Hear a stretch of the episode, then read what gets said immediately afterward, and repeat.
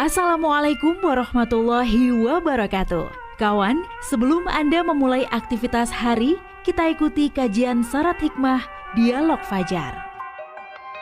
Assalamualaikum warahmatullahi wabarakatuh. Alhamdulillah kawan, saya Fitriana Ayu pagi hari ini kembali bersama Anda di program Dialog Fajar. Hati-hati yang mungkin saja Anda sudah berkendara, tetap fokus dan juga selalu menjaga jarak dengan kendaraan di depan Anda sambil menyimak Dialog Fajar pagi hari ini bersama Ustadz Mim Saiful Hadi kawan dari pesantren Al-Quran Nurul Falah Surabaya. Assalamualaikum Ustadz Mim. Waalaikumsalam warahmatullahi wabarakatuh. Alhamdulillah ketemu lagi sehat ya Ustaz. Alhamdulillah sehat sehat sehat luar biasa. Allahu Akbar. Masya Allah.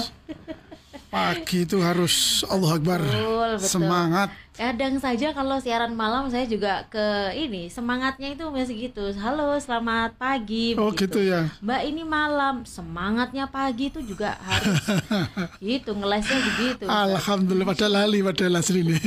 Padahal lupa karena ke ini ke apa ketularan kebaikan dan semangatnya Ustadz Mim. gitu. Alhamdulillah. Masya Iya iya. Allah. Ustadz Ah. pagi hari ini kita boleh eh, ngobrol soal harga diri ya Ustadz ya. Oke, siap. Ini ini ini sepele tapi ini sangat penting Ustadz. Hmm, hmm. Kenapa dalam Al-Quran itu ada anjuran kita harus menjaga harga diri? Iya iya. Kemudian sampai sebatas mana sih Ustadz kita itu harus menjaga harga diri kita? Iya iya. Monggo selengkapnya bersama Ustadz Mim Saiful Hadi. Baik, baik. Terima kasih Mbak Ayu. Terima kasih kawan-kawan semuanya.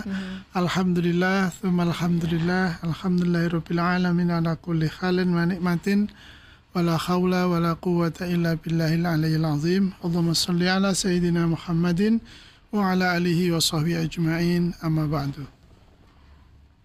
Kawan-kawan sekalian yang dirahmati Allah, ini saya malah kadang-kadang bertanya Mbak Ayu, Ya. Masihkah kita ini peduli dengan eh, kehormatan? Masya Allah. Kadang peduli Ustadz, tapi kadang itu nggak kerasa. lah iya, saya ini kan waduh ya Allah miris kan Mbak Ayu ya kalau kita buka berita-berita ya baik media mainstream maupun media eh, sakarpe media lah. Iya. Sekarang ini kan sudah macam-macam gitu ya. Betul. Tapi itu ya Allah saya kalau lihat ya Allah orang apa nggak ngerti kalau yang begini-begini ini menurunkan Bagian dari harga diri, ya merusak gitu ya. Harga dirinya gitu ya. Betul. Ya Allah, nah maka dari itu eh, tentu pada pagi hari ini kita bertanya, merujuk ya kepada guru kita, pada pembimbing kita Rasulullah Muhammad SAW, guru yang sangat tak tertandingi Betul. kehebatan kebaikannya dan kepastian petunjuknya untuk kebaikan kita semuanya. Bismillahirrahmanirrahim. Wa an Abi Hurairah radhiyallahu anhu an Nabi sallallahu alaihi wasallam qala Man kanat indahu madlimatun li akhihi min irdihi aw min syai'in fal yatahallalhu minhu al yauma qabla alla yakuna dinarun wala dirhamun in kana lahu amalun salih ukhidha minhu biqadari madlimatih wa illam yakun lahu hasanatun. Ukhidha min sayyiati sahibihi fahumila alaih. Rawahul bukhari.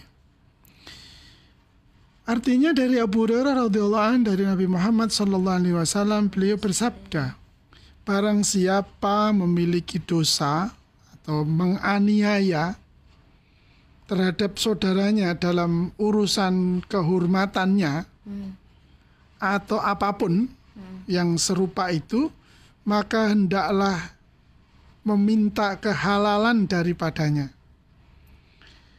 Sekarang atau hari ini, nah, sebelum datang suatu hari yang tidak ada lagi dinar dan dirham, jika ia memiliki amal solih, maka diambil daripadanya seukuran kezolimannya.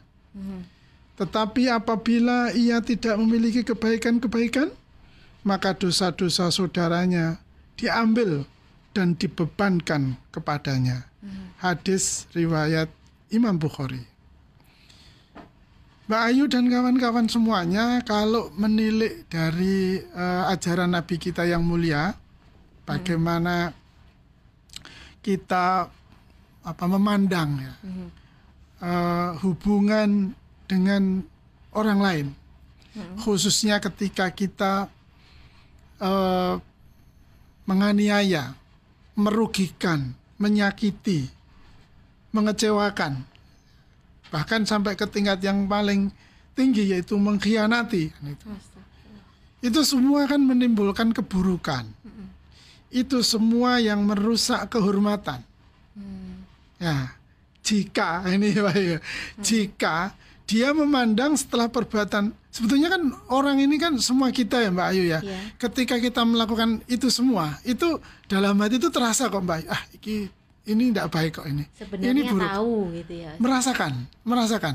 Hmm. Ya, merasakan. Jadi tahu dirinya ya apa yeah. hati kecilnya lah ya, hati yeah, kecilnya yeah. itu merasakan. Yeah. Sebetulnya nggak bener ini atau sebetulnya ini tidak baik ini. Aduh, misalnya gitu ya. Yeah. Lah, ketika dia berada di tahapan itu atau di kondisi itu terus kemudian terdengarlah bisikan ah, apa wong cuma gitu aja. Atau yang kemudian kemudian muncul bisikan lapo sih dipikir cuma gitu aja cuma dikit ya aja. cuma dikit atau yang ketiga lo kamu siapa memang itu hmm. sudah tidak apa itu sudah lazim itu nah itu muncul kesombongan itu sudah ya nah kemudian bisikan-bisikan itu dorongan-dorongan itu yang membuat kita mengambil keputusan menunda hmm. untuk menyelesaikan meminta maaf, mengklarifikasi dan sebagainya. Ya, menunda Mbak Ayu ya, menunda. Ya. Sudah nanti lihat saja, ini kan hanya soal waktu saja, misalnya begitu. Sehingga dia menunda untuk uh, meminta maaf, hmm. mengklarifikasi, kemudian dan seterusnya lah yang sejenis itu. Hmm. Sehingga Rasulullah membuat perumpamaan padahal itu padahal ketika nanti sudah tidak butuh apa dinar dan dirham maksudnya sudah ketika kita sudah mati Mbak Ayu ya hmm. ketika kita sudah tidak membutuhkan hmm. apa ke kenikmatan dunia tidak membutuhkan enak urip nang donya hmm. berarti sudah mati sudah di alam barzah sudah hmm. di alam mahsyar sudah di yaumil akhirat kan sudah tidak butuh uang tidak hmm. butuh dinar tidak butuh dirham baru kita akan rasakan nanti itu Nah, maka sampai di sini kawan-kawan sekalian dirahmati oleh Allah, jika Anda, jika saya, jika kita sayang dengan kehormatan diri kita sendiri, maka begitu kita menyakiti orang, begitu kita menganiaya orang, kemudian hmm. atau kita memfitnah orang itu ya tanpa sengaja kan nus medsos ya Mbak Ayu ya. Yeah. Padahal tidak benar sehingga belum diklarifikasi sudah disebarkan misalnya begitu. Hmm. Dan Anda menunda untuk meminta maaf atau mengklarifikasi, maka itu sesungguhnya sedang merusak kehormatan diri sendiri. Kan ada orang yang berpendapat, oh, kenapa minta maaf? Minta maaf itu akan menjatuhkan harga diri. Kan itu ya Mbak ya? Iya, merendahkan diri. Merendahkan diri.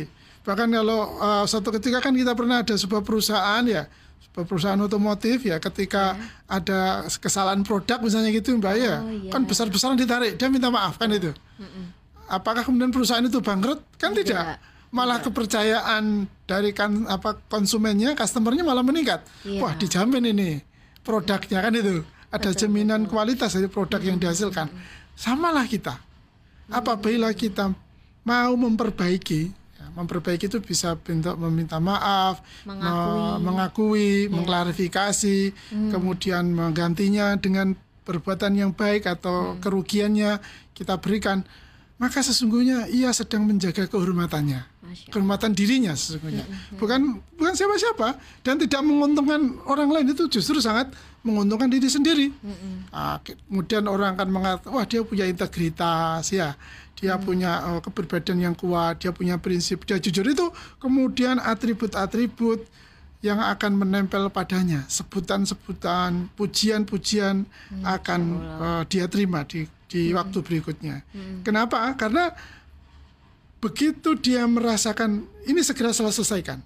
Karena kalau tidak sekarang, khawatir nanti mati gitu sudah mati kan, iya. tidak bisa, tidak bisa mengklarifikasi, tidak bisa melakukan apa namanya tabayun kan, tidak bisa minta maaf. Nah itu, ini yang yang yang sangat apa ya namanya baik untuk menjadi perhatian kita semuanya. Karena apa? Nah, ini Rasulullah memberitahu. Karena apa?